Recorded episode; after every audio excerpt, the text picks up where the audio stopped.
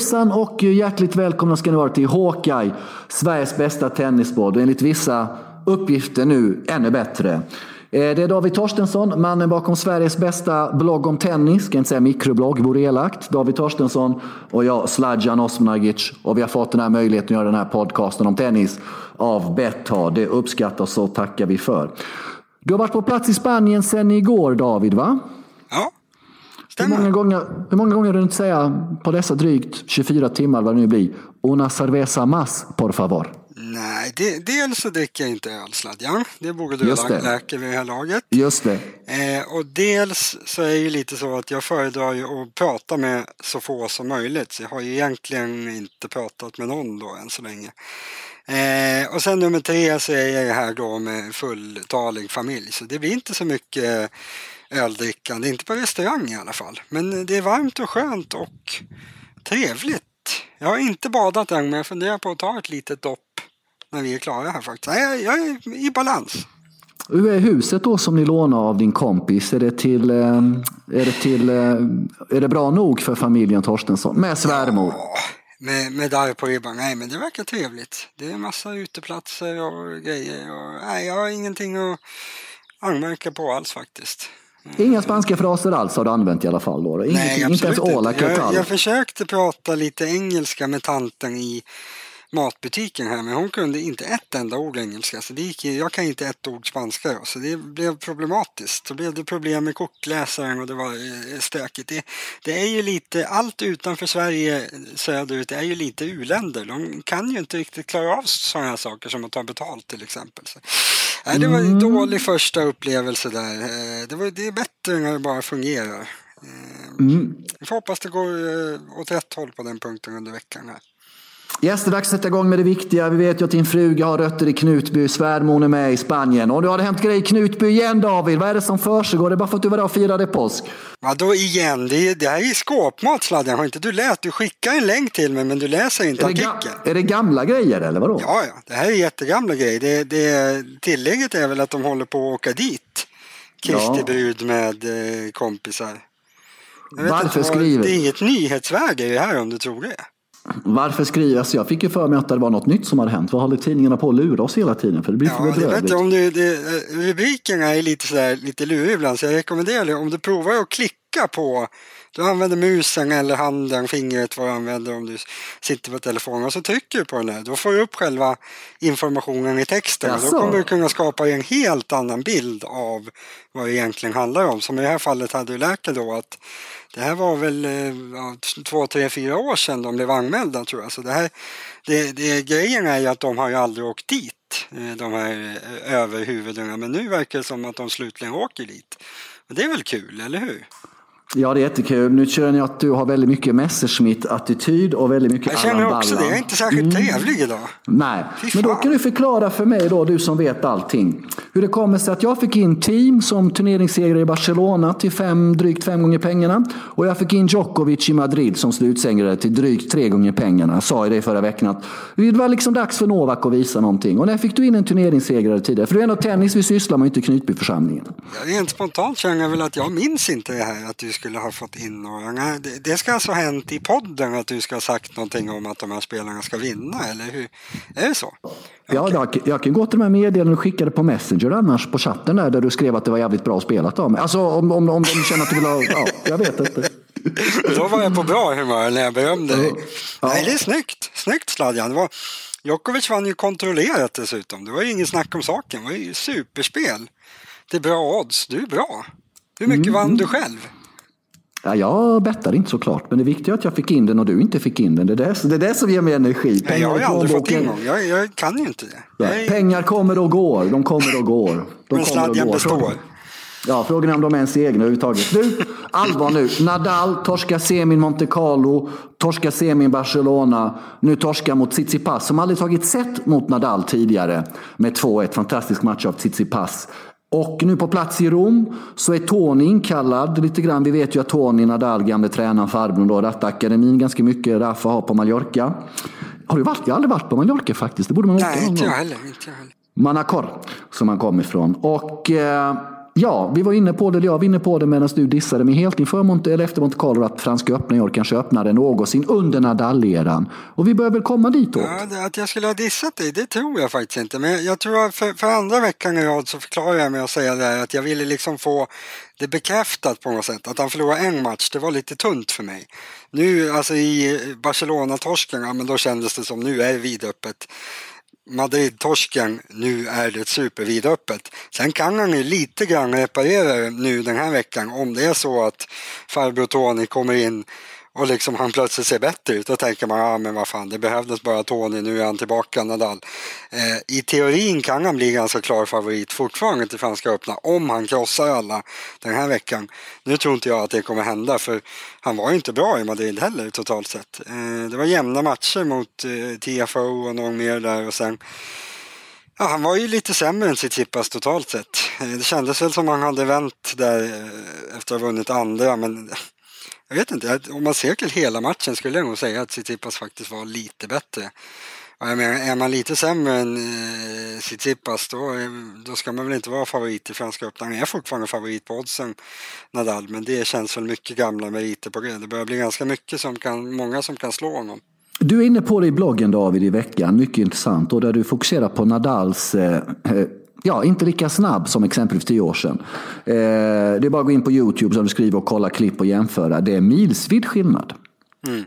Ja, alltså det, det, det ska man säga, det har inte hänt över en natt nu. Det har varit så i ett par, tre år. Sen om det har blivit lite värre nu, kanske. Men jag skulle nog inte säga att det, det är liksom inte det som gör att han har klappat ihop som spelare senaste månaderna, vilket han faktiskt har gjort. För man ska ju minnas, han var ju rätt bra i Australian Open och kändes där som en trolig vinnare till och med innan han fick möta Djokovic. Alltså, han började säsongen bra. Det, det, är inte som att hans kropp har fallit ihop nu överhuvudtaget. Det är det spelmässiga. Men det man ska veta är att han har utvecklat det spelmässiga väldigt mycket på senare år. Så han har ju gått från att varit en spelare som har baserat sitt spel liksom 80-20 på fysik, spelmässiga egenskaper, 80% fysik. Nu senaste åren då har det varit kanske 50-50. Han har varit fysiskt stark, uthållig, ganska snabb och allt sånt. Men han har skaffat sig väldigt bra slag. Han har liksom en, en forehand som har varit ett jättevapen. Backhand har gått från att vara en liten svaghet till att inte vara någon svaghet. Och han på grus har han returnerat ganska bra. Så han har liksom varit en spelmässigt sett väldigt bra spelare och då har han inte behövt ha den här ultimata snabbheten på samma sätt. Nu har han inte snabbheten men han är också hopplöst osäker i spelet. Och då finns det inte så mycket kvar att falla tillbaka på. Då är ju båda delarna borta på något vis. Eh, och det är väl det som har hänt att han nu när spelet inte fungerar då kan han inte luta sig tillbaka på fysiken och snabbheten längre för den, den är inte överlägsen någon annan. Och därför är det så att han är inte bättre än, än de andra spelarna i toppen.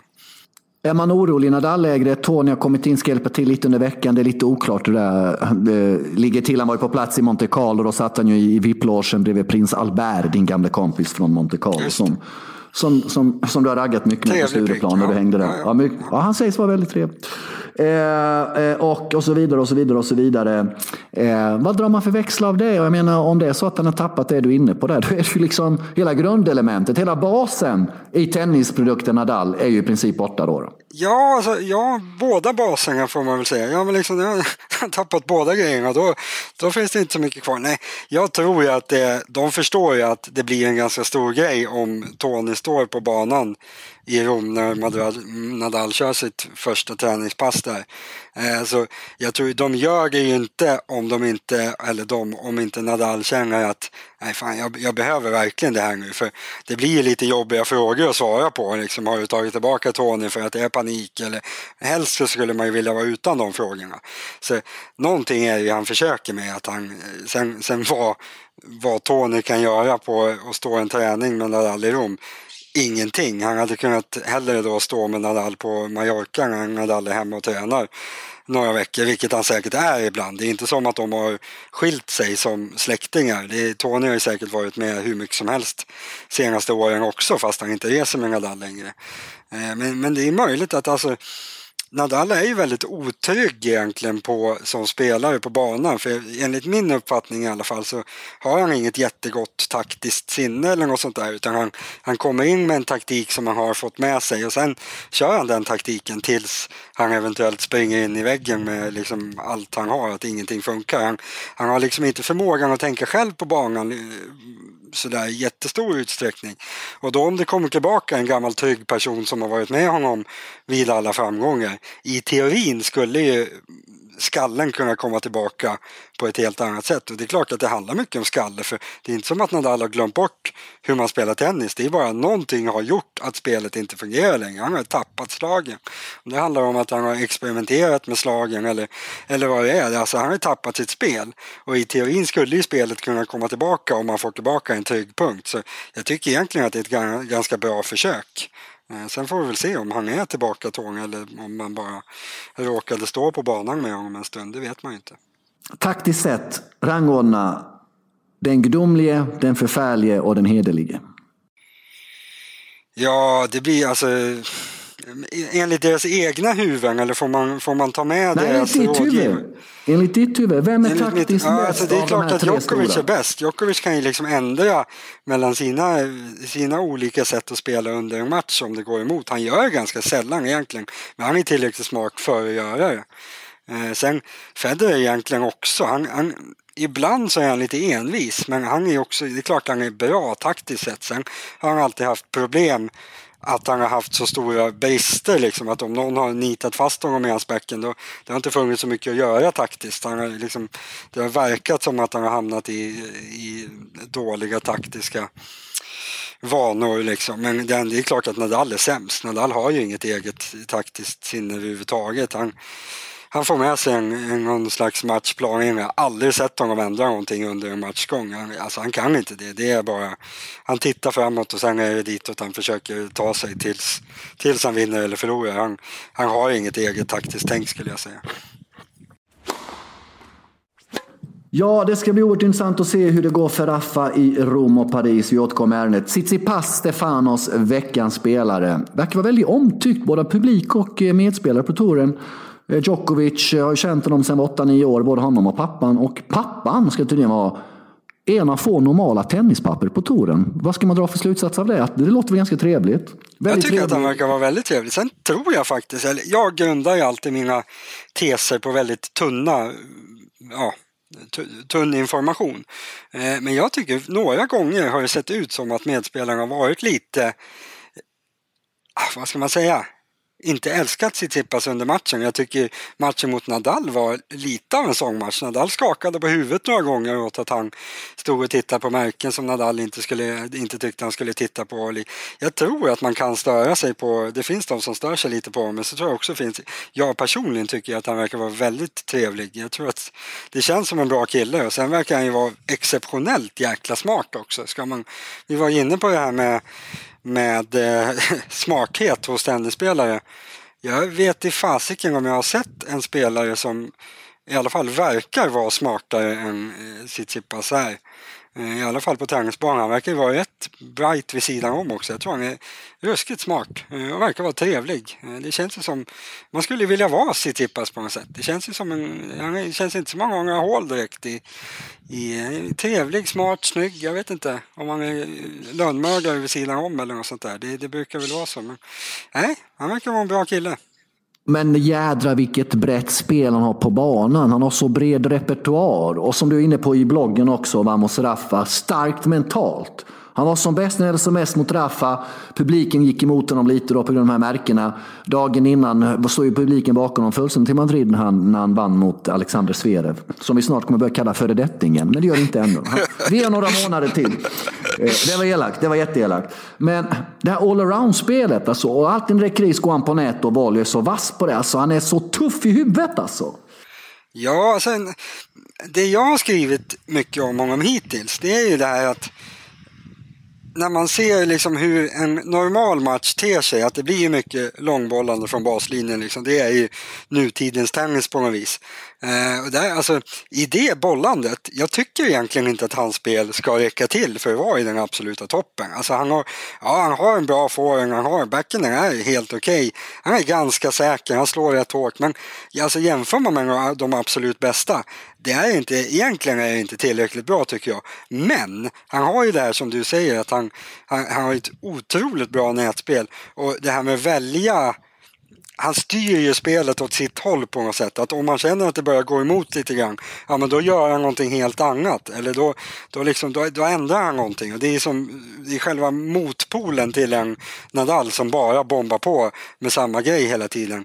Tsitsipas kan ju... Det, han förlorar ju aldrig en match utan att ha försökt precis allt och han har ju ganska mycket att bjuda på. Han har ju, offensiven är ju väldigt, väldigt bra.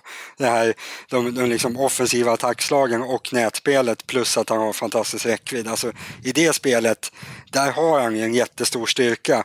Och det glömmer man bort lite grann för det är så få spelare nu för tiden som har det som sin största styrka. Det har ju liksom fallit bort lite med åren. att har man, har man varit en ren volleyspelare, ja men då har man varit för dålig i övriga spelet. Nu sitter Tsitsipas, ja, men han duger i det övriga spelet men han har ju så otroligt bra utdelning när han väl får ett läge och sen avgör han inte direkt så, så kommer han in. Så ja, han har ju ett fantastiskt mångsidigt spel. Sen, han, han, har en del att utveckla från baslinjen, så är det. Men han är 20 år gammal liksom. Det, det finns tid att göra det också. Det gör ju det och ehm, ja, fascinerande person. Vi vet ju då, kanske de flesta känner till att hans pappa räddade ju livet på honom när han var 14, 15, 16 och på att drunkna mm. i, i havet där. Och det var ett ögonblick som förändrade hans liv, attityd och inställning. Så att eh, ja, han varit med om mycket. Det ska bli intressant att följa honom framöver. Som du säger också 193 centimeter lång, eh, nästan samma längd som Felix Auger Eliasim. Två han känns längre än så. Det känns som att han har ja, en jäkla men, vinge. Alltså, ja. Men han rör sig så bra. Han är så snabb också. Alltså otroligt bra rörlighet på banan. Täcker nästan hela banan hela tiden. Alltså, han har fått en fantastisk tennisskolning måste man ju säga. Ja, jag skulle precis säga det, att han, det känns som att han rör sig väldigt tennisbra. Jag skulle liksom inte satsa mina pengar på att han slår så många på 100 meter liksom. Men den här kombinationen av allting, hur han läser spelet, hur snabbt han rör sig och hur bra han rör sig och, och allt sånt där. Alltså, det är som att han blir snabbare än vad han är på något sätt på att han utnyttjar alla sina faktorer, det här med att läsa spelet och sin räckvidd. Och så. Han, han spelar snabbare än vad han är på något sätt. Han, han utnyttjar sin fysik jäkligt bra känns det som. Ja, mycket tennis igen i familjen. Pappan, gammal tennisspelare och hans mor då, som är ryska, spelade ju eh, för Sovjetunionen en gång i tiden, det är ganska länge sedan nu. Men... Så tennisgenerna finns där. Och eh, ja, vi glider in då på eh, den förfärlige då som vann Madrid, eh, 14 titeln på grus, 33 Masters-titeln totalt, lika många som eh, Nadal nu, de är uppe på 33 var. Roger har 28 tror jag. Och ja, vi var inne på det i podden förra veckan, jag vet inte om du minns det eller om det var blackout då, men det var väl dags att visa någonting för Novak det har ju gått tungt.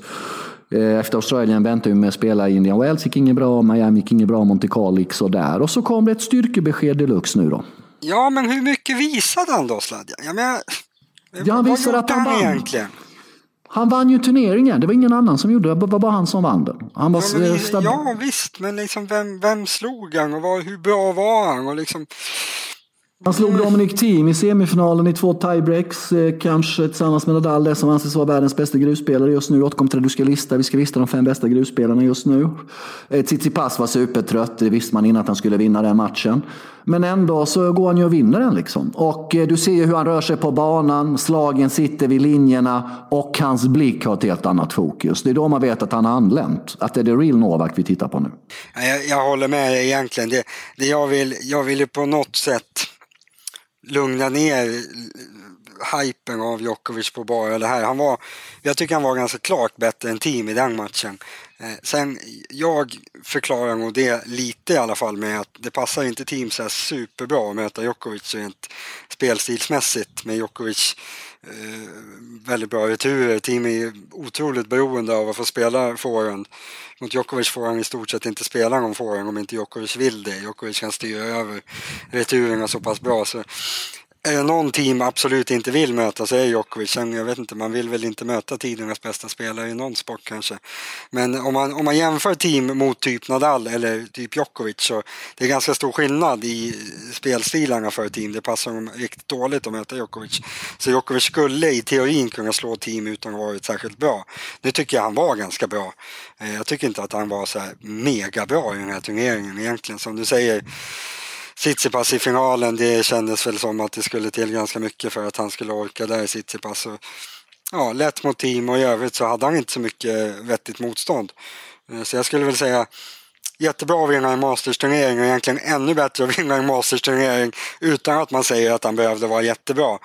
Men jag är inte så här bortblåst av att Djokovic vann turneringen och tänker att äh, men nu är han tillbaka i sin högsta form. Eller något sånt där. Det är jag inte så jätteövertygad om. Men vad ska han göra mer än att vinna turneringen i princip ohotad till slut? Så, ja, det är klart att han stärkte sina aktier inför eh, Rom och Paris. Det är inget snack om den saken. Nej, jag blev inte heller som bortblåst. Men vi vet ju när Novak spelar som bäst, när han har blicken och rörligheten och slagen sitter. Då behöver han tyvärr inte spela så jäkla bra för att vinna tennismatcher. Helt och återigen helt rätt. Han spelar han väldigt sällan på topp.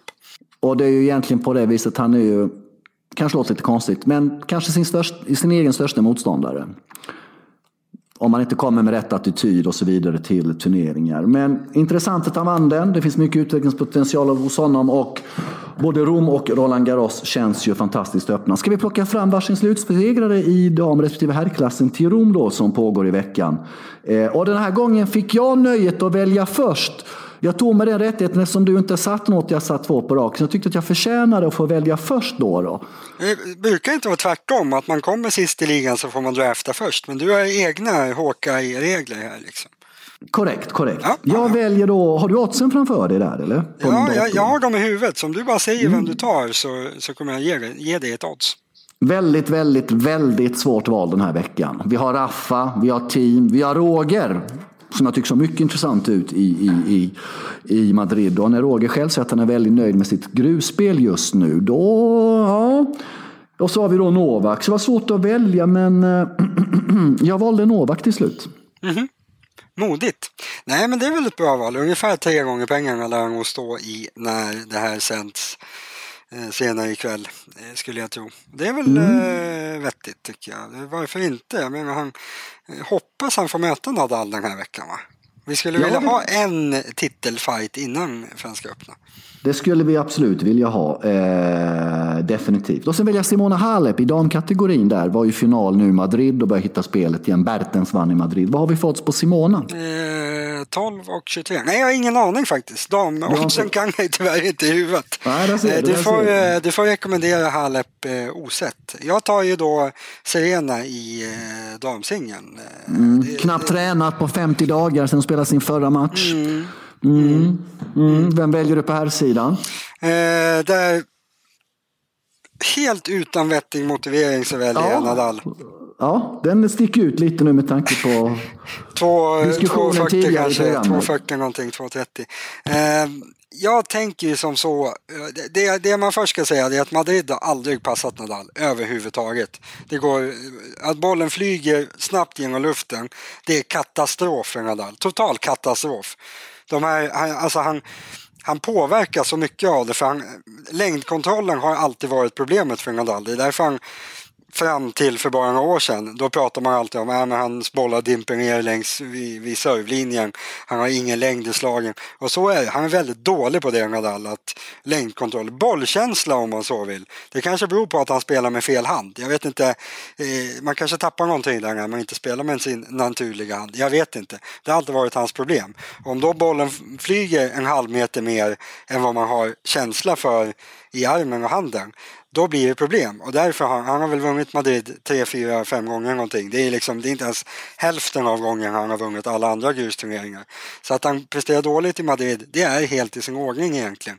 Rom passar honom bra, mycket bättre med klart långsammare banor och sådär. Så bara där blir hans chans större än vad den var förra veckan. Eh, och det är väl klart som fasiken att Nadal ska gå ifrån grussäsongen med en Masters-titel i alla fall. Eh, som, som sagt, tunt, men jag, jag plockar Nadal. För jag vill inte ta någon av de andra. Så det, nu när du fick drafta först, jag hade kanske tagit Djokovic. Men jag, jag känner mig nöjd med Nadal ändå. Du, eh, ska vi rangordna de fem bästa grusspelarna just nu på herrtouren och hur ser den listan ut? Det tycker jag. Jag tänker göra som du hatar att jag gör, att jag börjar eh, från nummer ett. Det är det enda som fungerar i min hjärna. Ja, jag hatar inte det. Jag tycker det är snyggare om man tar det i omvänd ordning, men du har ditt fria val att göra precis som du vill David. Tack. Eh, och jag börjar med Djokovic. Eh, hade, hade, vi pratat, då, okay. Eh, mm. hade vi pratat om eh, om det här inför förra veckan. Då mm. hade jag satt eh, team som etta utan tvekan. Då hade jag sagt att han är spelaren att slå. Liksom. Han, han hade slagit Nadal i Barcelona. Men du sätter, du sätter Novak som etta trots att du inte var nöjd med det du såg förra veckan i Madrid förutom att han vann Ja, för han vann. Mm. Du, du, du, du missuppfattade mig lite där. Jag ville bara dra ner lite på, jag ville ja, jag växla ner från femman till fyran bara. Mm. Eh, jag menar han slog team. Och Team mm. var titelförsvarare i den här kategorin. Så ja. nu, är, nu är Novak bäst, Nadal är inte bäst. Eh, så Novak är, han är för mig bäst. Sen om man är favorit i franska för det, ah, det är det så mycket Nadal-magi där, men skitsamma, Novak är bäst mm. just nu. Tvåa? Team. Trea? Nadal. Men det var, det var, det var, det var med tveksamhet du fick Ribban låg och hoppade upp och ner ja. där. Det var Stefan Holm Aten-OS där nästan eller? Så Ungefär.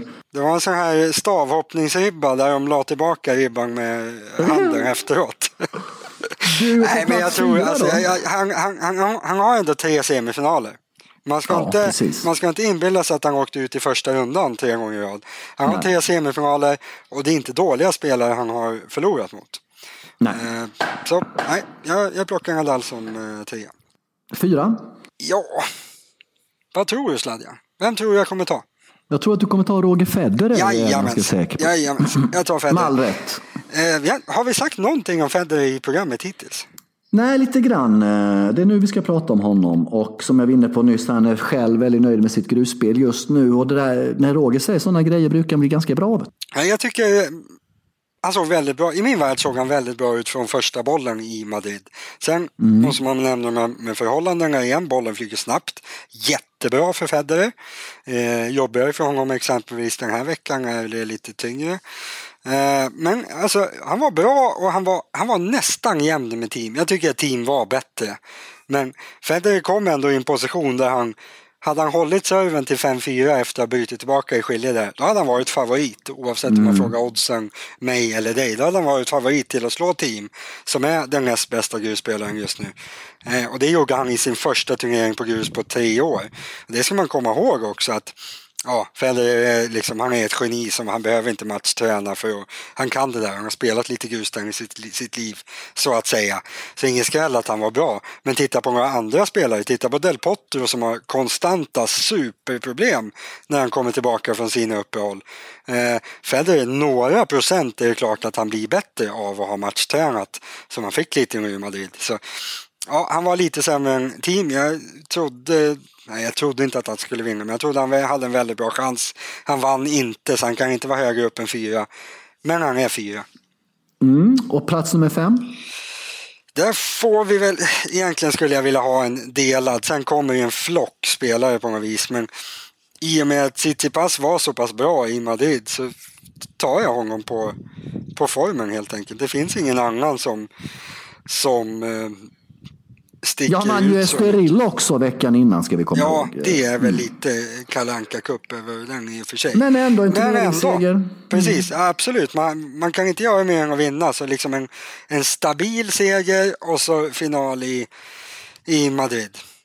Han är där uppe. Tobias Mattsson har mejlat in till, till Hawkeye at betthard.com eller .com och har en fråga.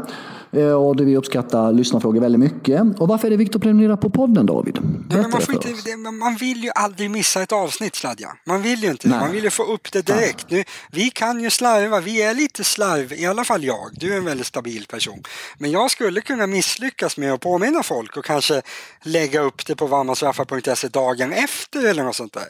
Och då har ju alla mm. redan hunnit, då har ju en dag försvunnit. Eh, och det vill man inte, man vill ju höra podden direkt när den kommer ut. Så om man trycker på Ja. prenumerera får man en notis och så kan man lyssna direkt. Bara kasta alla andra sysslor åt sidan och sätta på podden. Ja, inga konstigheter. Nej. Och eh, Tobias Mattsson undrar, mest underskattade slaget snedstreck egenskapen inom tennis? Då kan du välja ett slag och en egenskap om du vill. Ja, Nadals volley kanske. När han, missar, nu, han missade faktiskt några volleys mot eh, Tsitsipas i Madrid. Men annars Jag missar tänker- Nadal aldrig volleys. Han har otroligt bra volley. framförallt backhandvolleyn va? Ja, den är, den är ofelbar. Den ser inte bra ut men han missar den aldrig. Och den är liksom eh, giftig också. Så det är ett underskattat slag. Andra Egenskap då? Jag, skulle vilja nämna Djokovic forehand också förresten. Det pratas otroligt mycket om hans backhand men hans forehand är fortfarande lik förbaskat bättre än backhanden. Bara det att hans backhand är förhållandevis bättre jämfört med andra men Djokovic forehand är fantastiskt bra. Egenskap. Ja, mentalt då tror jag han tänker på kanske Tobias där va? Underskattad. Har du något förslag Sladja?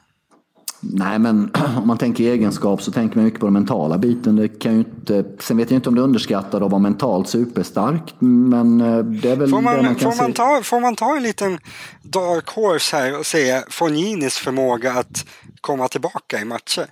Man pratar alltid om hans liksom usla psyke, hur han skiter i saker Mm. och ting. Men hur ofta är det inte han har förlorat matcher och sen kommer in det igen? Man, Ja. man, liksom, man pratar bara om det svängiga. Och då fokuserar man på det dåliga, att han har sina totala downperioder när han inte sätter slag och fullständigt skiter i det. Men det är då ganska bra. Hur många gånger lyckas han inte lura sig in i matcher igen på att han, fast det inte syns, kämpar lite mer. Så ja, Fornines mentala förmåga ja. Ska vi säga så? Ja, nej, men eh, vi kör på det. Sen undrade Jim Belander om Djokovic verkligen är vegetarian. Eh, Jag tror han är vegan till och med och sådär. Men, eh, men det är väl inte om man äter fisk ibland, då är man kanske vegetarian. Han kör väl fisk för lite flexitarian. Ja, flexitarian kan vi kalla honom. Eh, här i Serbien är man övertygad om att han skulle haft 20 Grand Slams redan om han hade ätit kött de sista 5-6 åren. Den typ. Men den, som det brukar heta, eh, Torstensson, är en helt annan diskussion. Ni har lyssnat på Hawkeye, Sveriges bästa tennispodd, nu bättre än någonsin. Vi har rangordnat de fem bästa grusspelarna just nu. Vi har eh, tagit itu med Raffas dåliga form. Vi har tagit fram varsin slutsegrare i dam respektive herrklassen i Rom. David går på Serena och Raffa. Jag går på Novak och Simona. Eh, David, hur länge stannar ni i Spanien? Eh, lördag. Sen eh, hemma. Så nästa veckas podd kommer sändas från eh, källaren precis som vanligt. Så det, det, då blir ordning och reda. Och du ska ut och eh, flaxa omkring lite du också va min vän? Yes, åker till Los Angeles imorgon bitti där och kommer väl hem på tisdag igen. Eh, Så spelar vi väl in som vanligt torsdag nästa vecka. Kanske fredag. Men om man prenumererar på podden så är det inga konstigheter. Då kommer den ju liksom när den ska komma så att säga. Så är det. är världens Ja, mest naturliga sak. Nu har jag en fråga till dig Sladden. Det är alltid du som frågar i det här programmet. Nu ska jag ställa dig en väldigt, väldigt viktig fråga. Är du beredd? Yes sir. Yes. Vem vinner Franska öppna? Ja du, det är någonting jag funderat ganska mycket på faktiskt. Och eh, jag eh, har haft känslan, eh, nu låter det ju jätteskumt, men jag har haft känslan sedan i höstas att det blir Novak. Vet du. Att han för andra gången kommer hålla alla fyra Grand Slam samtidigt. Eh, den här segern i Madrid gav mycket självförtroende. Faktum är också med Novak att han har ju då, eh, jag vet inte om du någonsin lyssnar på det här tennispodcast som Telegraph gör med David Law Tipsarevic som snackar i en timme och 20 minuter. Eh, Hur han liksom lägger upp sitt schema liksom, och han spelar enkom nästan master. Alltså, nu när jag såg Madrid såg jag liksom den här glöden i ögonen. Eh, Då var det ofta då han är som bäst och vet vad han vill. Så att jag har sett Novak Djokovic vinna Roland Garros i år. Och därmed blir eh, ja, eh, titelförsvar i samtliga fyra Grand Slams för andra gången någonsin. Som ingen har lyckats med sedan Rod Laver på 60-talet. Vad tror du själv? Jag tror samma sak. Inte med riktigt samma motivering kanske, men jag tror att han är en person som drivs väldigt mycket av utmaningen. Att har han ingen utmaning, då, eh, då är han ingenting heller. Eh, jag tror han behövde den här lilla dippen i de amerikanska mastersturneringarna och så började dåligt i Monte Carlo. Så nu, nu, fick han plötsligt någonting att uppnå. Nu, liksom, nu, nu fick han chansen att komma tillbaka lite. Eh, och som du säger, dels var lite småsugen på att hålla alla fyra eh, Grand Slam-titlarna samtidigt kanske. Och ska vi tro att han har kornet lite grann på att vinna alla fyra i år också? Ja, en Grand Slam i taget. Eh, först får vi se hur det går i Roland Garros. Vinner han den så blir ju den naturliga följdfrågan då. Vi minns ju alla vad som hände 2016. Den här stora krisen kommer han åker mot Query i andra eller tredje rundan där då i, eh, i Wimbledon och sen åker han ut direkt mot Elpo i OS och massa jidder och jaddlar. Så vi tar, vi tar det pö om pö kan jag tycka. Vi tar det lugnt, vi tar det lugnt. Men han mm. vinner eh, Franska öppna till att börja med. Ja, vi tror väl det uppenbarligen. Vi säger så. Ja, vi säger så tills vidare. Tack till alla som har lyssnat. Fortsätt skriv till oss. Bettard, förlåt, hawkeye Tusen tack Bettard för att ni gett oss denna möjlighet. Tusen tack David Torstensson. Gå in på Vamos Raffa. Det blir, har du träffat bana förresten idag där nere? Ja, flyktigt. Jag ska nog gå in till dem nu faktiskt. Eh, mm. Hälsa lite. De lät jobbiga tidigare. Men ja, nu, nu, nu stänger vi ner här så går jag och lyfter upp ena av dem och pratar lite med. Går du in och skådespelar lite familjefar, det är du väldigt duktig på. Tusen tack David, tusen tack till alla som har lyssnat. Vi hörs framöver. Tack och hej. Hej, hej.